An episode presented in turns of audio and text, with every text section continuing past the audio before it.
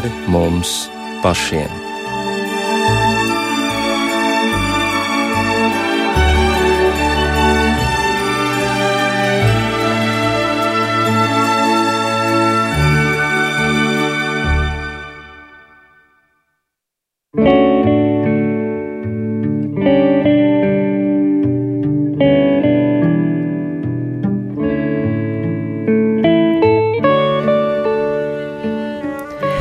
Esiet sveicināti redzamā pāri mums pašiem, lai ir slavēts Jēzus Kristus. Studijā Inte Zēgnere par skanējumu rūpējas Iveta Zvejniece, bet mūsu raidījuma viešņa ir rakstniece Inga Ābele. Labvakar, Inga! Labvakar! Paldies, ka piekriti šajā lietainajā laikā doties uz radio, mums tiešām ir nopietnas satikšanās iemesls, un tā ir grāmata, kas ļauj kaut nedaudz pieskarties sirdsapziņas liecinieces un arī cīnītājs par Latvijas brīvību Lidijas Lasmanas dzīvei. Nu pat, nu pat ir uzziedējuši Lidijas ziediņi, ja tā tēlaini varētu sacīt, jo tieši tāds ir grāmatas nosaukums - Lidijas ziediņi visai apjomīgas grāmatas, kurā tu esi apkopojusi eh, Lidijas atziņas. Par to mēs runāsim šovakar gan par šīs grāmatas saturu, gan arī par to vēsti, ko Lidija nes cauri visai savai dzīvei. Bet vispirms gribu tev vaicāt, kāpēc tieši ziediņi. Kaut gan uz mākslinieces sievas Jurijānas veidotā vāka mēs redzam nātres, bet grāmata ir ar nosaukumu Lidijas ziediņi. Jā. Tā gan, jā. Tā gan, jā. Varbūt daļai tāpēc, ka uh, grāmatas uh, rašanās, grāmatas ieceres rašanās laikā uh, klajā nāca izcilā tulkotāja Valda Bisanieka tulkotie Svētā Franciska ziedi. Un tā vienkāršā forma un, un uh, tāds uh, raitais stāstījums arī šķita, ka likās, ka atbilst Lidijai šis te veids stāstījumu, kā ziediņi. Jā, mēs satikāmies Lidijas lielajā jubilejā, tas bija pie Valguma tur. Un uh, es toreiz vaicāju par šo ieceri, kas bija tiešām tā, tā pašā vēl pirmsākumā. Uh, Un tu teici, ka tu šai grāmatai gribētu dot visas pasaules laiku. Nu, tagad šis laiks ir piepildīts, un mēs redzam jau šo grāmatu taustāmā formā, bet tomēr tas viss ar kaut ko sākās. Ar ko tas sākās? Šī pati ideja un arī tava iepazīšanās ar Lidiju. Jā, tas sen sākās.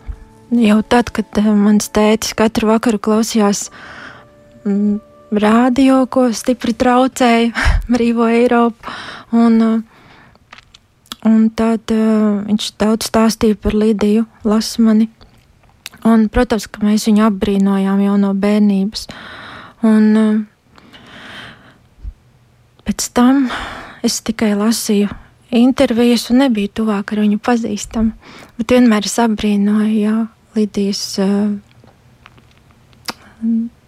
to spožo prātu un to, to viņa saturu, viņas domu. Un um, pēc tam tā sanāca, ka mums uh, bija iespēja iepazīties tuvāk. Nu, kāds bija tavs pirmais priekšstats? Dejojošā Lidija. jo tas priekšstats tiešām tāds, kas uh, šķita tās grūtie pārbaudījumi un, uh, un tie neiespējamie, gandrīz ko cilvēks nespēja izturēt. Un tāds uh, cilvēks, kurš viegls kā dūja, pievējo klāt un saka labus vārdus par uh, romānu, kurš bija iznācis man uh, klūku mūks. Jā, jā, viņa ļoti apbrīnoja to grāmatu. Tiešām daudz labus vārdus arī es esmu par to dzirdējusi.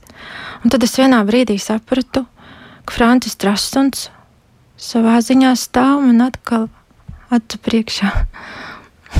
Viens ir šī iepazīšanās, bet tad droši vien seko kādas atklātākas sarunas vai sadraudzēšanās, un tad sāk vērties laikam tā Lidijas pasaules daļa, ar kuru viņa atver savu sirdi. un laimīgs tas, kas to ir varējis piedzīvot.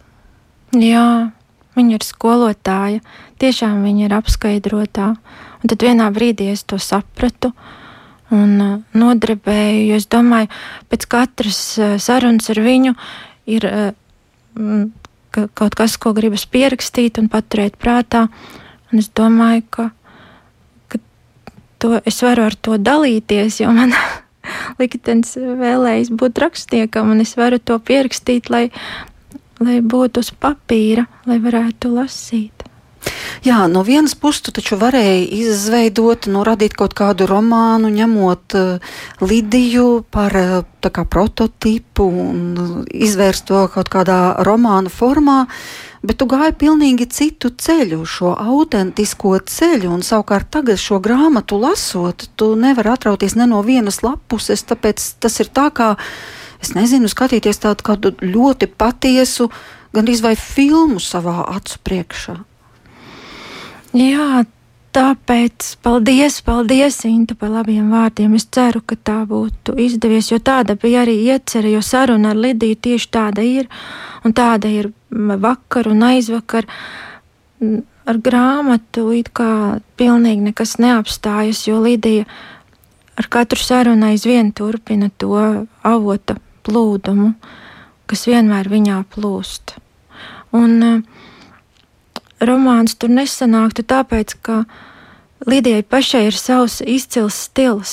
Gan tas domu saturs ir tāds vērtīgs, bet arī tad, kad viņa, kad viņa formulē uh, lietas, viņa to tik precīzi un skaisti izdara vienā teikumā, kā gribas tieši iespējami precīzi to pierakstīt, tieši kā viņa pateica, jo pēc tam nav iespējams to atkārtot ar savu prātu. Jā, cik interesanti, tu arī grāmatā mini tādu faktu, ka viņa ļoti maz vai praktiski nelieto, uh, bet, bet saka un. Jā, tu tas... no tā kaut ko vari izsecināt. Ir jau tomēr arī tie bet, bet nav bieži. Jā. Tas man šķiet, ka tā ir tāds plūdums tālāk, ka viņa neliek eh, tos sev tos šķēršļus, pret kuriem varētu klupt, ka viņa vienkārši kāp tiem pāri. Eh, tu sacīki, ka Lidija ir skolotāja. Un tagad ar šo vārdu skolotāja mēs saprotam ļoti daudz. Mēs varam runāt par neskādiem guru, par treneriem, par apziņas mainītājiem un sazinu, ko vēl, un to visu mēdz apzīmēt ar vārdu skolotājs, bet ko tu saproti ar šo vārdu Lidijas sakarā? Man šķiet, ka pasaulē jau apkārt viss ir radīts un viss ir no laiku gala līdz laiku beigām, jau viss pastāv. Bet tas ir jautājums varbūt par paša iekšējo gatavību eh, paņemt tajā brīdī to, ko tev dod tik bagātīgi. Jā, un arī savas grāmatas priekšvārdā tu mini, ka dažkārt Lidija runā garā. Un tad es gribētu, varbūt, lai arī tu par to pasaki, kā tu to izproti. Jo, paldies Dievam, man ir arī gadījies to piedzīvot, ka tu sāc smelt no ļoti, ļoti skaidrām dzīvēm, bet Kā tu to varētu paskaidrot? Ko, nu, vai tad mēs nerunājam garā? Nu, kamēr esam dzīvi, tā kā varētu domāt, runājam garā, bet tas garā ir ar lielo burtu. Jā, bet man šķiet, ka tas gars jau arī ir katram dzīvē ir tāds brīdis bijis. Skolotājiem, piemēram, kad viņš stāv klases priekšā un pēkšņi ir tā saskaņa, kad plūst tā kop, kop, klāta būtne tajā brīdī, kad ir dzīves tas process, kad skolēni ņem un skolotājs dod, un skolotājs dod, un skolēni ņem, vai arī teātrī, kad enerģija vienkārši plūsmo no aktieriem uz skatītājiem. Vai arī tad, kad raksta dzējoli, jo es esmu tiešām, es neesmu, kā, kā es saku, tīrasiņu dzējniece, bet reizēm man ir gadījies, ka uh, tiek dots dzējolis. Un tad, kad ir jāstājas nost un jāmeklē papīrs, vai tagad kā telefonā var pierakstīt, tas uh, process, ka tu jūti, ka vienkārši tev tikai mm, ar abām rociņām ir jāspēj saņemt, jo tas tiešām ir tā, ka tas nāk un tiek dots. Un arī sarunās dažkārt man ļoti patīk sarunāties. Man šķiet, tas ir brīnišķīgākais pasaulē, var būt sarunāties.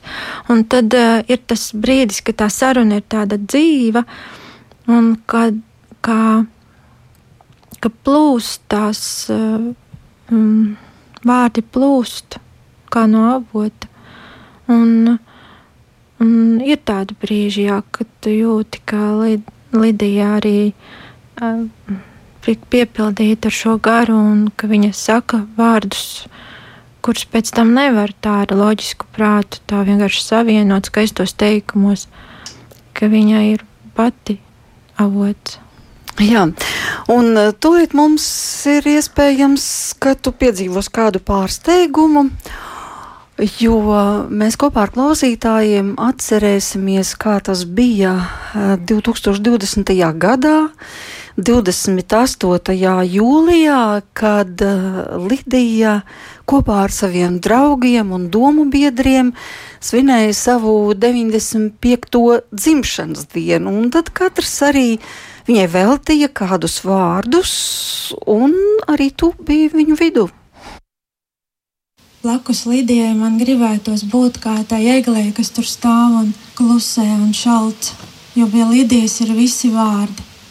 Un man ir milzīgs prieks kādu Lidijas izteikumu pierakstīt un tad atdot lasītājiem, jo tie ir kā no Lidijas mutes kaisīti patiesības ziediņi, kuriem ir jānonāk pie savas tautas. Un šorīt, mazu brīdi pirms gaismiņas, bija mierīgs karoks un daudz debesu. Varbūt tāds pats rīts bija pirms 95 gadiem, kad mazā Lidija devās ceļā savā pirmajā cīņā pēc pirmā elpas vilciena. Māte Anna deva meitai vārdu Lidija, iedomādama Bībeles Lidiju, purpura pārdevēju, pirmo kristieti, sirsnīgu un draudzīgu sievieti, kura pazīstama ar viesmīlību savā namā uzņemot apstuļus Pāvilu, Lūku, Timoteju un citus. Tagad nu tu glabā savus meža brāļus, kā reiz pirmā Lidija glāba apstuļus. Anna teica meitai, kad viņa pēc kurzemes cietokšņa krišanas uzņēma un glāba savā namā leģionārus. Vecākais brālis Alberts bija gribējis sev par māsu Alīsi. Tā no Lidijai tika otrs vārds Alīsi, un tā Lidijas priecīgā brīnīšanās, ko viņa visu laiku nes sev līdzi, varbūt ir no Alīsas brīnumzemes. Tēvs Andrejs pats gāja baznīcā un bērniem mācīja iet baznīcā. Vasarās zirgiem svētdienās bija vajadzīga atpūta, un bērniem uz sakas baptistu baznīciņu bija jāiet kājām. Līdija uz baznīcu gāja basām kājām, kurpes nesa rokā un pirms baznīcas apāvās. Es nezinu, kāds bija rīts, kad Līdija nāca pasaulē. Laiks daudz ir apsedis, jo garš ir bijis Līdijas ceļš bet šorīt es nodomāju daudz laimes, mīļā Lidija, daudz baltu dieniņu un mierīgu nakšu. Tik labs ir šis mazliet miglainais, siltais rīts, kad gar apvērsti klusi pārvietojas mākoņu pulki. Pamosties ir labi, man reiz rakstīja draudzene. Tas tiešām ir labi, labākais dzīvē, un ir tik labi pamosties vienā pasaulē ar Lidiju. Lidija daudziem ir palīdzējusi pamosties viņu dzīvē. Es pazemīgi uzklausu katru vārdu, kad Lidija par Dievu runā, jo mēs visi ticam, bet Lidija ir viena no retajiem, kas Dievu zina un var par viņu liecināt. Lidija Dievu nelūdz, lai izlūgtos sev kādu labumu, viņu Dievu lūdz, vēlēdamās ar Dievu saukt, saplūst. Un tāpēc, pat ja viņai bija kādi plāni par savu dzīvi, tad viņa tos nolika malā, kad vajadzēja palikt uzticīgai Dievam, savai tautai un Latvijai.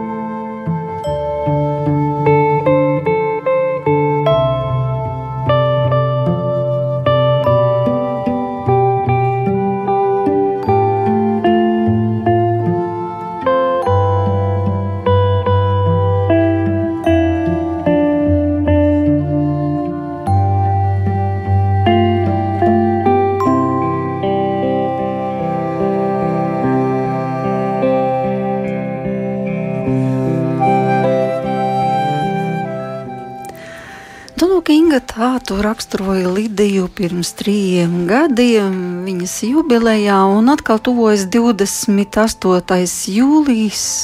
Tā tad 98. Lidijas dzimšanas diena, un kā viņa pati sacīja, tas nebūtu iespējams, jo Dievs viņai dod katru elpas vilcienu, Dievs dod visu šajā pasaulē, ne jau viņas spēkā, tas notiek, šīs dzīvības process, protams, Lidija to apzinās. Bet parunāsim vēl uh, mazliet par grāmatu. Kas bija tie lielākie pārsteigumi, kas tevi uh, sagaidīja šajā grāmatā, pierakstot Lidijas stāstus, iepazīstot jaunus? Par ko tev pašai nācās domāt? Pašā sākumā varbūt bija tas neiespējamība to vispār izdarīt. Jo um, bieži vien pie Lidijas viesojas kādas televīzijas vai žurnālisti un arī mm, lūdzu stāstīt par savu dzīvi, un Lidija labprāt to dara, un arī viņai ir talants, jo viņas stāsti uzbur to satiktos dzīvē cilvēkus gluži kā dzīvus ar miesu un asinīm un ar, ar visām krāsām un ar visu atmosfēru, kāda tur valdījusi. Jo Lidija tiešām e, prot stāstīt, vienlaikus koncentrējoties un reizē arī e, ļaujot izjust to e, valdošo sajūtu, tajā brīdī to emociju. Un, e, un tad es domāju, labi, es darīšu tāpat, jo kaut kādā ziņā pamudinātājs bija tas, ka es redzēju pirms gada, ka Lidijai tiešām paliek švaki ar acīm, un es tomēr gribēju, lai viņa izlasa grāmatu, un gribēju tieši kā dāvanu viņai. Un es domāju, nu, tas ir jāpieraksta. Un tad bija tā, ka pirms vairākiem, kādiem diviem, trim gadiem, tad es mēģināju aizbraukt pie Lidijas ar diktafonu un lūgt, lai viņa stāsta. Bet tad es ātri sapratu, ka tas nav iespējams, jo tas garais mūžs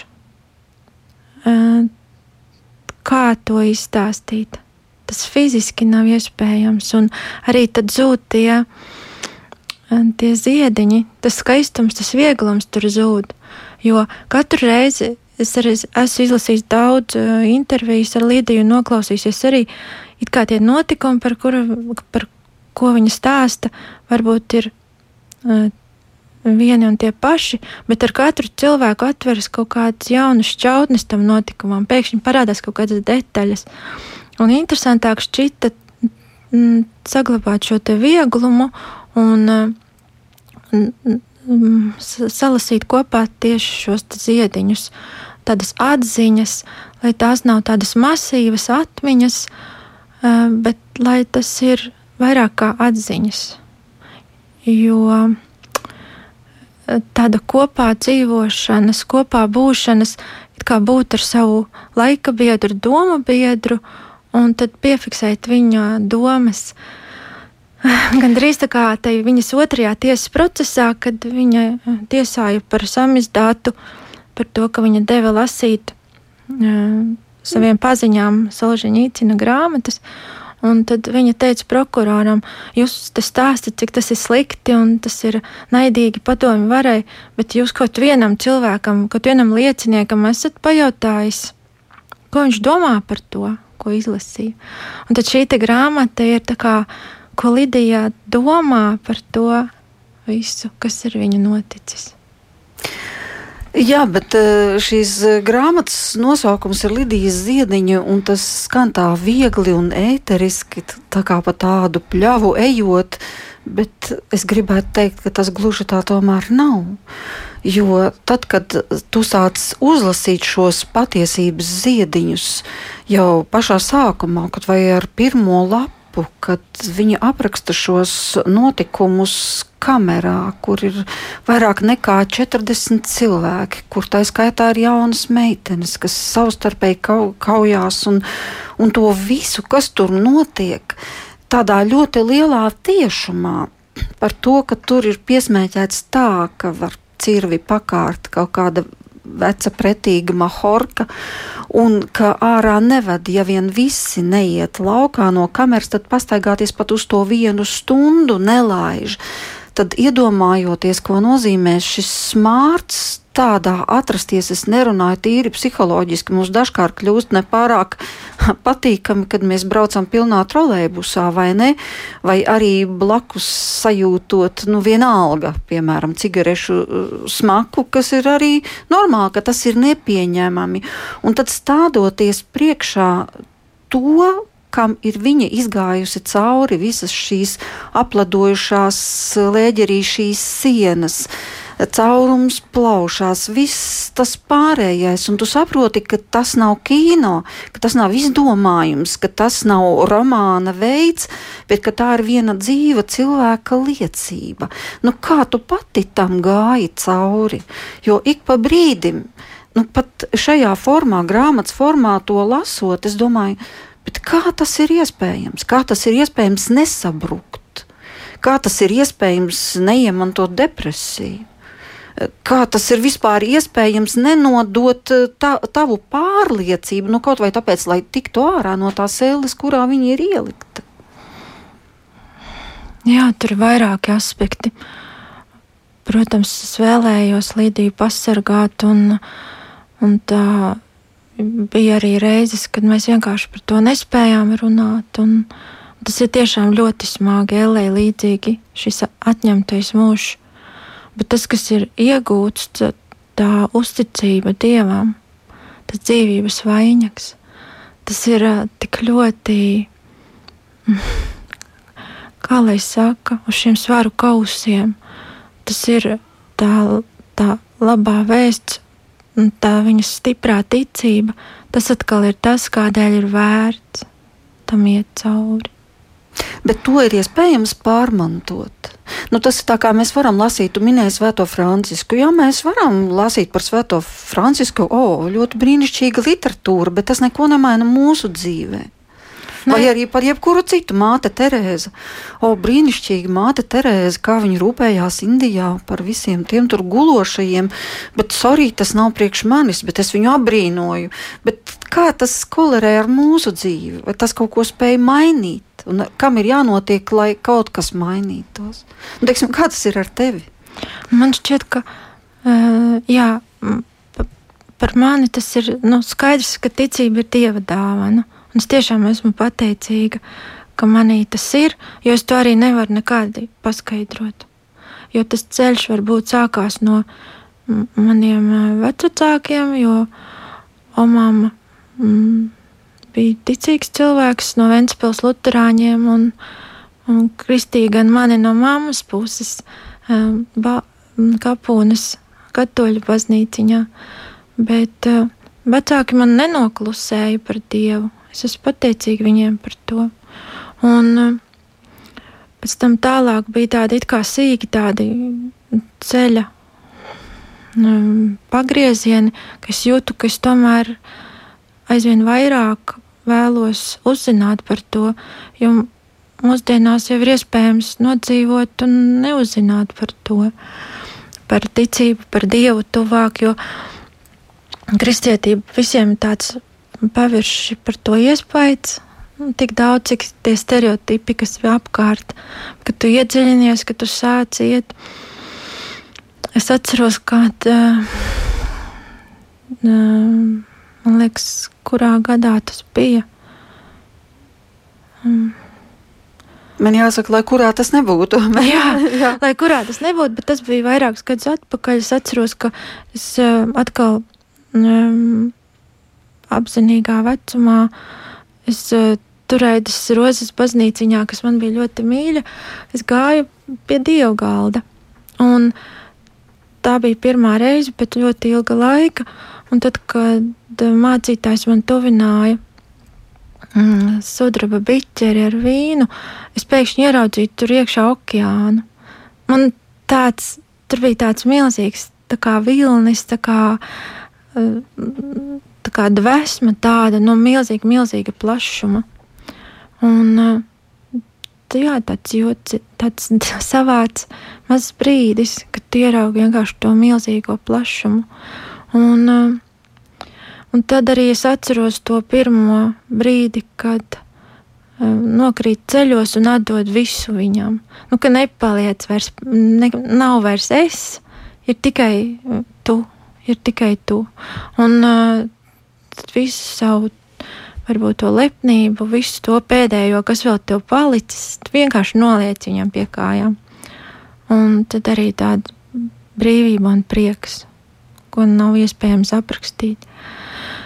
Nu jā, bet Lidija prot sakārtot, noskaidrot jēdzienus, piemēram, par to pašu piedošanu un attaisnošanu. Viņas tas e, teiciens, ka piedot ir vajadzīgs tāpēc, lai varētu nolīdzināties un iet tālāk, jo skaidrs, ka nepiedošana sagrauj, sagrauž sevi pašu. Un, bet attaisnot tikai Dievs var. Un tas jau tas tiek atstāts viņa ziņā. Bet uh, tie divi tādi jēdzieni, kurus agrāk varbūt šo nošķīrumu tā nebija uztvērusi šo te. Un tā ar daudzām lietām. Piemēram, kad Dievs ir radījis cilvēku brīvu, darīt visu, ko viņš grib. Vienīgais jautājums ir, vai vajag? Un cilvēki bieži neuzdod sev, sev šo jautājumu. Ja ir iespējams, tad tikai uz priekšu. Bet ir jāatceras, jā, ka šī brīvība ir dota arī kopā ar atbildības aspektu. Tu sacīji par to brīnumu, ko tu piedzīvoji, ieraugot kausu pie dievgārda. Ar Kristus asinīm. Jā, Kristus asinīm. Jā, tāds mirklis, tāds zipsnis, jā. Eh, pati Lidija jau ir brīnums ar to viņas dzīvi, ejot cauri šiem 14 izsūtījuma, ieslodzījuma gadiem, tam tai visai pieredzēji, sasalumam, baļķu pludināšanai, nodevībām, nu, par veselības lietām vispār nerunājot. Viņa ir 98, būs tūlīt. Tas ir tiešām brīnums, bet vai viņa sarunā ar tevi ir runājusi par tādiem īpašiem brīžiem, ko par brīnumu varētu saukt?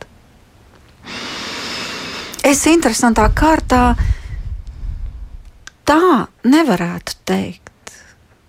Nezinu, daudzas sarunas ir bijušas, bet, bet es nevaru teikt, ka būtu runa par kaut kādām pārdabiskām zīmēm, bet varbūt ar tevi tādas sarunas ir bijušas. Man šķiet, tas sapnis viņai trešā apcietinājuma laikā, etapa kamerā, kur viņa jūta, ka viņa vairs nespēja ilgāk gaidīt, jo etapa kamerās tik ļoti ilgi jāgaida, kamēr no saformēs vilcienus un kamēr būs tā došanās uz cietumu, un tur viss vienkārši viņai pat kurpes nopelēja zaļas. Un tad viņa naktī redzēja e, ceļu ēdolē uz tiltrājiem, kur viņas e, tēvs strādāja. Un, um, tas bija meža ceļš, burvīgs un jauks, un pat smaržoja pēc skujām. Un tajā pašā rītā jau tika saukts Lidija Doroņina Lasmane uz etapu, un tad viņa brauc uz Mordoviju. Jā, mums ir arī iespēja paklausīties nedaudz pašas Lidijas balsī. Tā bija arī viena no sarunām, kas, es domāju, ļoti daudz par viņu pasaka, un tā bija saruna, kas risinājās pagājušā gada nogalē. Dievs jau nav teicis, ka mums Viņš teica, par visu esiet pateicīgi, par labām dienām un arī par ļaunām dienām jo viņš jau nedod neko tādu, kas mūs pazudina. Viņš jau mums liek ciest, jo un kā tad Kristus? Ja mēs saucam sevi par ticīgajiem, tad jājautā, kā tad Kristus? Un kā tad viņš pie krusta? Un kā tad viņš teica, Dievs piedod viņiem, jo viņi nezina, ko viņi dara? Dievs jau raksta to pasaules vēsturi un dod tās varas mums. Bet arī dod mums iespēju izvēlēties. Nu, jā, jā, un dod mums iespēju palikt pie viņa. Un kā tad Kristus? Mēs taču sevi saucam tik lepni, es esmu kristietis. Nu, kas tu par kristieti, ja tu nekad neesi cietis neko Kristus dēļ? Ja grūti ir piedot diezgan grūti, bet dzīvot ar nejaukumu pret viņu un pret visu to es arī nevaru.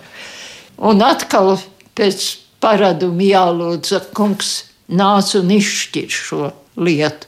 Atkal jāuztic tas, tā kā tu visu esi uzticējis, pierasts uzticēt. Un kā tad Kristus, un kā tad Kristus, ka viņu nodeva, ka Pēters nodeva? Es viņu nepazīstu. Un atkal jāatcerās tas viss. Ja tev ir Kristus, tad tu esi spējīgs dzīvot. Kā var bez viņa? Nav iespējams.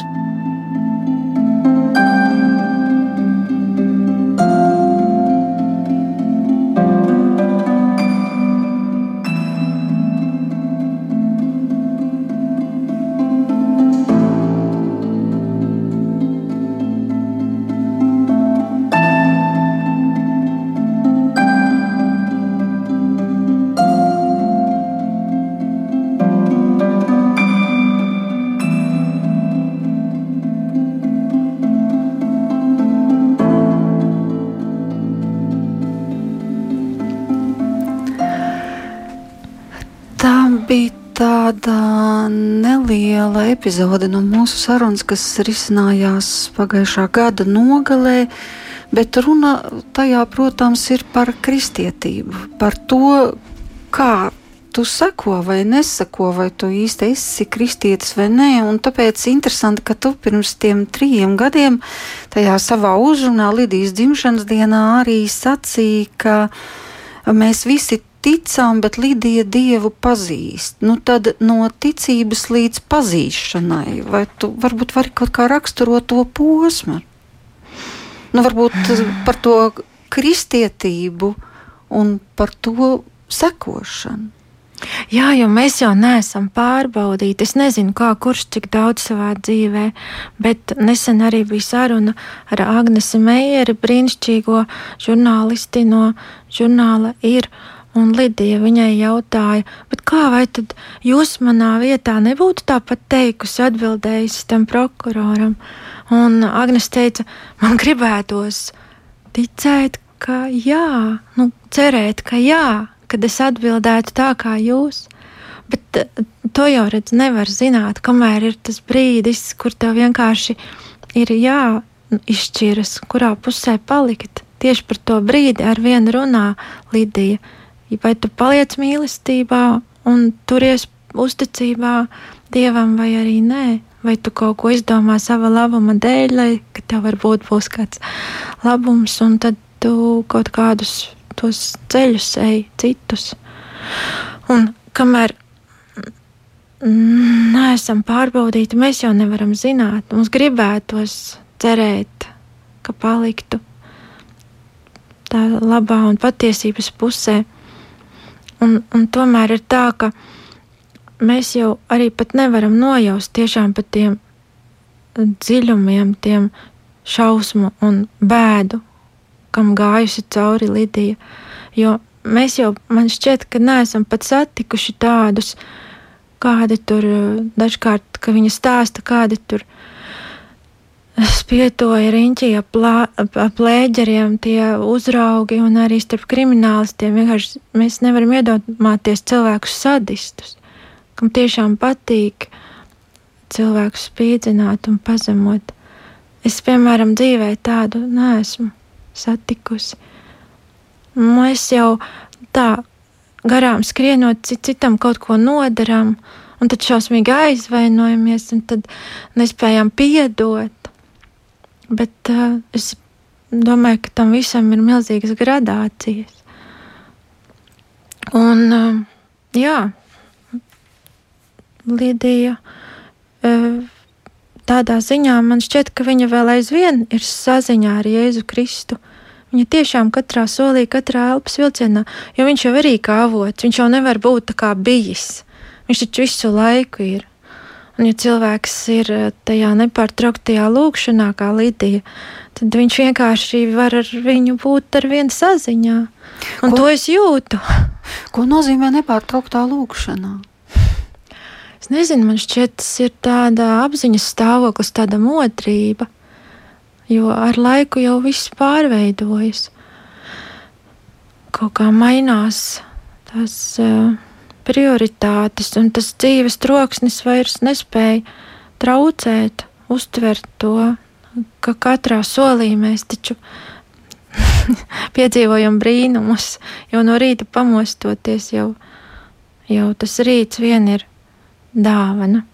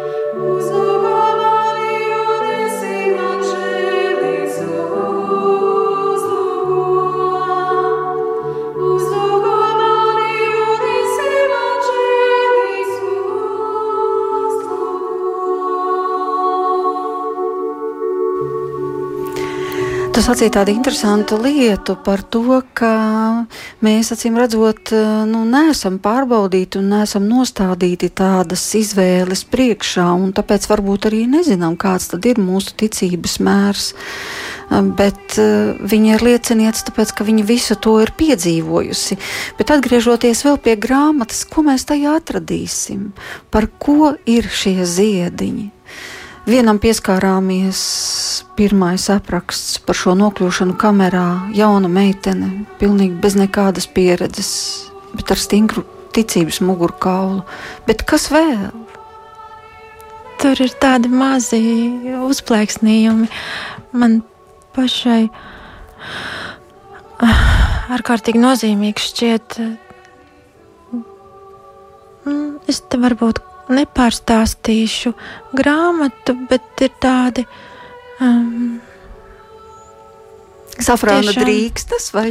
Safrāna drīkstas ir vairāk, um, vairāk tā kā jau tādas mazi, mazi Domu graudi. Mazi domu graudi, jā, sinepju graudiņi, ticības graudiņi. Mm, bet uh, arī tur uh, citās nodaļās ir, um, piemēram, tas, ka cik viņa ļoti vēlas pabūt viena, un, un tad ir tas gadījums, kur viņa ieslēdz metāla skapīti. Un, uh, un aizmirst. Un aizmirst. Un viņa ir gandrīz priecīga par to, ka viņa arī neko nesauc palīgā. Viņa vienkārši tur paliek un lūdz Dievu. Un tas ir brīdis, kā pabūt vienai, pabūt atmiņās, pabūt lūkšanā. Un tad uh, atnāk apsargs un ļoti vēlu naktī un pārpījies, slēdz vaļā skapīti pēc skapīša, un, un tad uh, viņš atrod arī Līdiju un uh, aicina viņu doties ārā. Bet cik vērtīgs ir bijis šis brīdis vientulības, to mēs jau varam tikai nojaust. Un uh, arī tur, kur viņai jāiznes tikko cepti sviesta cepumi bērniem, slimajiem, pāri ledainam laukam, ka tu pats esi kauli un nāda, un tu nedrīksti apēst, jo tad vienam bērnam trūks. Man šķiet, jā, ka šī ir tāda Jā, bet tas nav tikai stāsts par šiem cepumiem, mm -hmm. bet tas ir stāsts par to, kā nekrist kārdināšanā. Jā. Un cik patiesi var to aprakstīt, ka ko nozīmē šī krišana vai nekrišana kārdināšanā. Un, ja tu esi iekritis tajā kārdināšanā, tad tikai Dievs var tevi no, tevi, tevi no turienes izvilkt. Šīs atziņas, viņas tik precīzi raksturo to garīgo ceļu. Jā. teiksim, nevis teorētiski, bet ļoti praktiski. Vai Jā. arī kā viņa par savu veco māmu Ilžu saka par mīlestību, ka viņa viņu mīlēja, un tāpēc viņi neredzēja pie viņas nekādus trūkumus, jo mīlestība taču pacieš visu, apklāj visu, piedod visu. Un, ja mēs lasām šo mīlestības formulējumu Bībelē, tā netur ļaunu, tā nav skaudīga, nav uzpūtīga. Mēs varam to tā izlasīt kā dzējoli, un mums tas neaizķerās, atvainojas nevienā ausī. Bet, kad viņa pasaka ar šo savu bērna pieredzi, ka viņa ir mīlējusi veco mammu un tāpēc nav redzējusi trūkumus, jo mīlestība apklāja, tev šie bībeles vārdi uzreiz kļūst skaidri. Mani tas arī ļoti mm -hmm. pārsteidza šajā grāmatā. Uh, protams, ka mēs nevaram arī šajā vakarā nenospēlēt kaut vai vienu pantiņu no Lidijas mīļākās dziesmas, bet es gribu tevi arī vaicāt par to, kā tad šogad tiks svinēta Lidijas dzimšanas diena. 28. jūlijas ir tepat blakus, grāmata ir iznākusi, bet pašas svinības notiks kur? Svinības notiks 30. jūlijā. Sārnetes Baptistu baznīciņā mazajā pelēkajā raku pagalmā. Pagājušajā gadā es tur biju un redzēju, kā sanāk novada ļaudis, jo draudzes pašas nav, nāk no užavas, un reizi gadā notiek dievkalpojums, un jūli, jūlija pēdējā svētdienā, un tas ar vienu sakrīt vairāk vai mazāk ar 28. jūliju, ar Latvijas dzimšanas dienu. Un tā kā viņa vasarā tur vienmēr ir pie savas meitas ārijas, tad viņa arī ir sastopama dievkalpojumā. Un šajā gadā tad arī Latvijas ziediņas turpo aizvedīsim, jo Sārnatas eh, Baptistu baznīciņas svin savu simtgadi un Lidijas svin 98. Un es ceru, ka ar Dievu palīdzību izdosies tiešām mīļi svētki, mīlestības pilni. Jo, kā Lidija saka, Dievs ir mīlestība un gars. Jā, un šobrīd arī dziesma, kas Lidiju cauri visam viņas garajam mūžam un pārbaudījumiem ir vadījusi.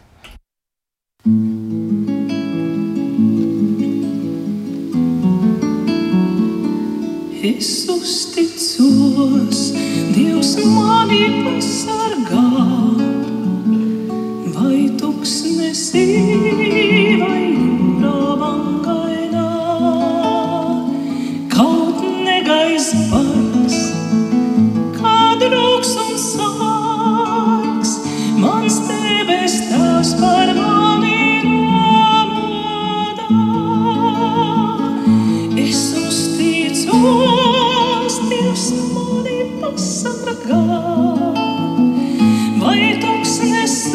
Tuksnesī,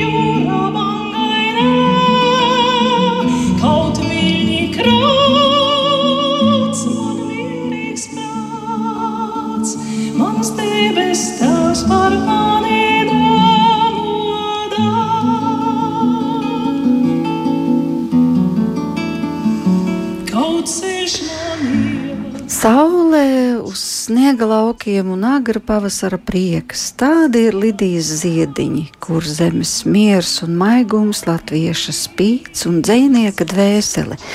Ļaujot runāt viņai saviem vārdiem, es ceru uz tiem ziediem, kas atplauks lasītāju dvēselēs. Tā, Inga, tu esi sacījusi par šiem ziediņiem, kas arī svinēs savus atklāšanas svētkus Sārnacas baznīcā 30. jūlijā, un es saprotu, ka ir aicināti visi, kas grib būt kopā ar Lidiju un kas grib svinēt šos svētkus kopā. Arī šis ieraksts, ko mēs dzirdam, es uzticos šī dziesma, kas Lidiju ir pavadījusi cauri visai viņas dzīvei, arī ir no viņas jubilejas, kad svinējām 95 gadus un tiešām svinējām ar vērienu. Un, uh, Abrīnojami arī, arī tas, ka Lidija raksta un saka, ka viņai nekad nav bijušas bailes no varas, jo tēvs ir sacījis, tu netici tiem okupantiem, viņi savu namu ir uzbūvējuši uz smiltīm, un tāda sistēma nevar pastāvēt, kas dievu ir izdzinusi no savas dzīves, un viņai šī atziņa bija pilnīgi skaidra. Paldies, man Inga, tev jāsaka kā atnāci, ka padalījies. Šovakar viesos pie mums bija rakstniece Inga Ābele, kopā ar jums Inta Zēgnere un Iveta Zvēniece šajā vakara stundā. Sārnate mūs gaida, Lidijas Ziediņa mūs gaida. Neatstājiet šo grāmatu uz vēlāku laiku. Es domāju, ka tā tiešām ir spējīga mainīt mūsu dvēseles uz gaišumu. Bet atgriežoties vēlreiz pie šīs jubilejas, kas bija 95. gadā, toreiz Lidija arī sacīja savus pateicības vārdus, kuros mēs tūlīt varēsim ieklausīties. Un jāteic, ka tie ir bijuši visai pravietiski. Paldies jums, mani mīļie, labie, dārgie latvieši! Man šodien ir tik pilna sirds no jūsu lielās mīlestības, bet es iemācījos arī apzināties, ka Dievs mūs radījis ir visus, gan ļaunos, gan labos, gan tos, kas moc, gan tos, kas glābi. Un jāmeklē ir tas ceļš, lai mēs visi meklētu to labo lai mēs nenodotu viens otru, nenodotu savu dzimteni, savu tēvu un savu māti, neaizliegtu viņus tikai tādēļ, ka viņi domā savādāk kā ienaidnieks, nepadotos tad, kad tev aicina prom no tavām labajām domām, kas tev no bērnības iemācīts. Man bērnībā mācīja, ka Dievs ir un ka Dievs mani sargā kā mazu bērnu, un tā tas arī ir bijis. Un pēkšņi atnāk kāda vara un saka, ka Dieva nav.